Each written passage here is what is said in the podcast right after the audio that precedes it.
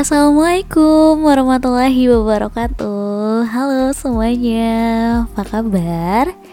Semoga teman-teman semua dalam keadaan sehat walafiat Selalu ceria, selalu bahagia. Dan buat teman-teman yang sedang sakit Saya doakan semoga segera kembali sehat Dan bisa beraktivitas seperti biasa Kalau teman-teman mendengar tentang satu kata ini yaitu Jepang, hal apa nih yang seketika terlintas di benak teman-teman? Apakah sebuah negara yang indah dengan pohon sakuranya atau mengenai tempat wisatanya yang menarik? Atau bahkan budayanya yang sangat unik atau ini nih, apakah kalian mengidentifikasikan Jepang itu dengan animenya yang luar biasa.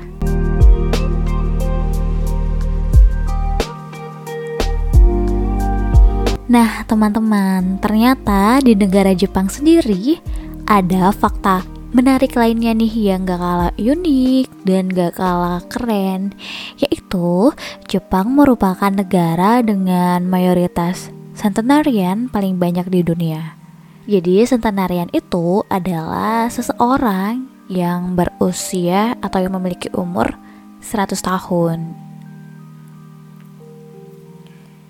Tentunya hal ini sangat erat nih kaitannya dengan salah satu konsep atau nilai hidup yang dimiliki oleh masyarakat Jepang dan yang selalu digunakan di dalam kehidupan sehari-hari yaitu konsep hidup Ikigai.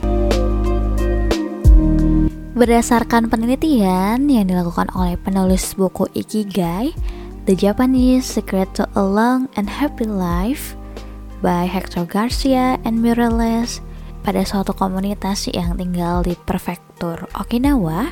Okinawa sendiri, teman-teman semua, adalah wilayah yang masyarakatnya terkenal dengan sebutan masyarakat yang sehat atau biasanya juga disebut sebagai wilayah blue zone. Penelitian yang dilakukan oleh Hector Garcia dan Morales ini mengambil sampel dengan melakukan 100 wawancara mendalam dan mendengarkan kisah perjalanan hidup narasumber yaitu masyarakat Okinawa. Ternyata penduduk Okinawa percaya agar bisa bahagia, hidup damai, aman, tentram, hidup tenang, kita harus menjalankan kehidupan sehari-hari dengan penuh arti untuk itu, seseorang harus menemukan ikigai. Ikigai sendiri adalah istilah Jepang untuk menjelaskan tentang kesenangan dan makna kehidupan. Kata ikigai secara etimologi dibagi menjadi dua. Yang pertama adalah iki yang memiliki arti jalan dan yang kedua adalah kai yang berarti sebuah timbal balik yang kemudian jika kedua kata ini digabungkan akan menjadi ikigai dan lahirlah arti ikigai adalah alasan seseorang untuk hidup. Hal yang membuat hidup layak untuk dijalani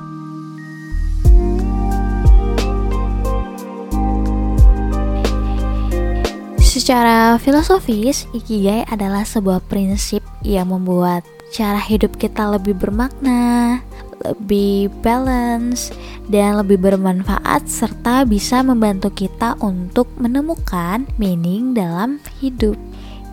Jadi bisa dibilang ikigai sama dengan alasan untuk hidup. Teman-teman, Ken Mogi sendiri, seorang penulis buku The Book of Ikigai, bilang gini nih kalau ikigai itu memberikan seseorang makna dalam hidupnya dan memberikan kegigihan agar ia mau melanjutkan hidupnya. Untuk menemukan ikigai, Ken Mogi bilang, kita gak harus jadi orang Jepang dulu. Siapa pun bisa menemukan ikigai karena setiap orang memiliki ikigai dalam diri mereka masing-masing. Tentunya ya teman-teman, untuk menemukan hal ini kita butuh yang namanya proses dan kesabaran sebagai kuncinya. Bagi masyarakat Okinawa, ikigai bisa sederhana apa sih alasan kita bangun di pagi hari? Buat teman-teman yang mikir kalau ikigai it is just a passion, nyatanya passion itu adalah salah satu part from ikigai. Ikigai seperti sebuah diagram Venn yang di mana dia memiliki empat irisan. Yang pertama adalah passion. Passion ini what your love. Apa sih yang kamu cintai? Kamu jago dan ahli di bidang itu. Yang kedua adalah vocation. What you can be paid for.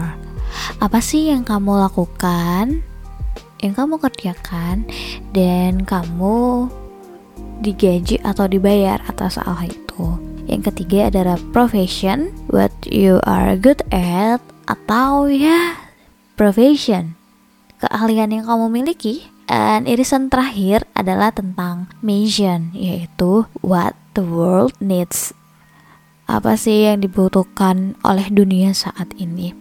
Ketika empat hal ini sudah kamu dapatkan, maka congratulations, kamu sudah menemukan yang namanya ikigai.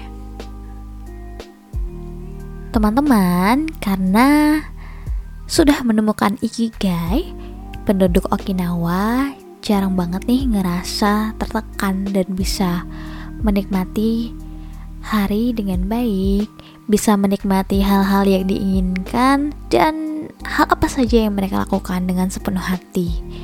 Mereka cenderung take it slowly untuk segala hal yang sedang dikerjakan. Mereka cenderung melakukannya dengan penuh hati-hati, penuh fokus, penuh perhatian, dan mindfulness.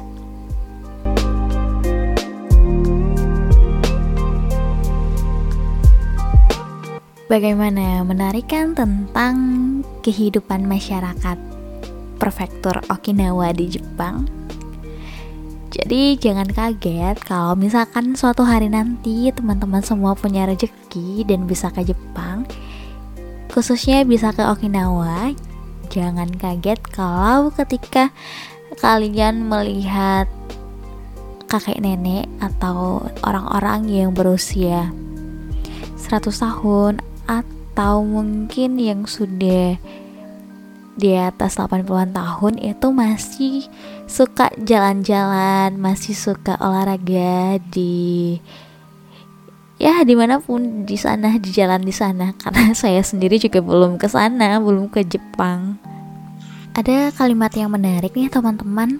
Pada buku yang ditulis oleh Hector Garcia dan Mirales Kurang lebih bunyinya kayak gini. Orang yang paling bahagia bukanlah orang yang mencapai sesuatu paling banyak, tetapi mereka adalah orang-orang yang menghabiskan lebih banyak waktu dalam keadaan mengalir. Yang paling unik ternyata komunitas di Okinawa ini teman-teman tidak mengenal kata pensiun karena mereka percaya bahwa manusia harus tetap terus aktif, being produktif dan ya jangan pensiun.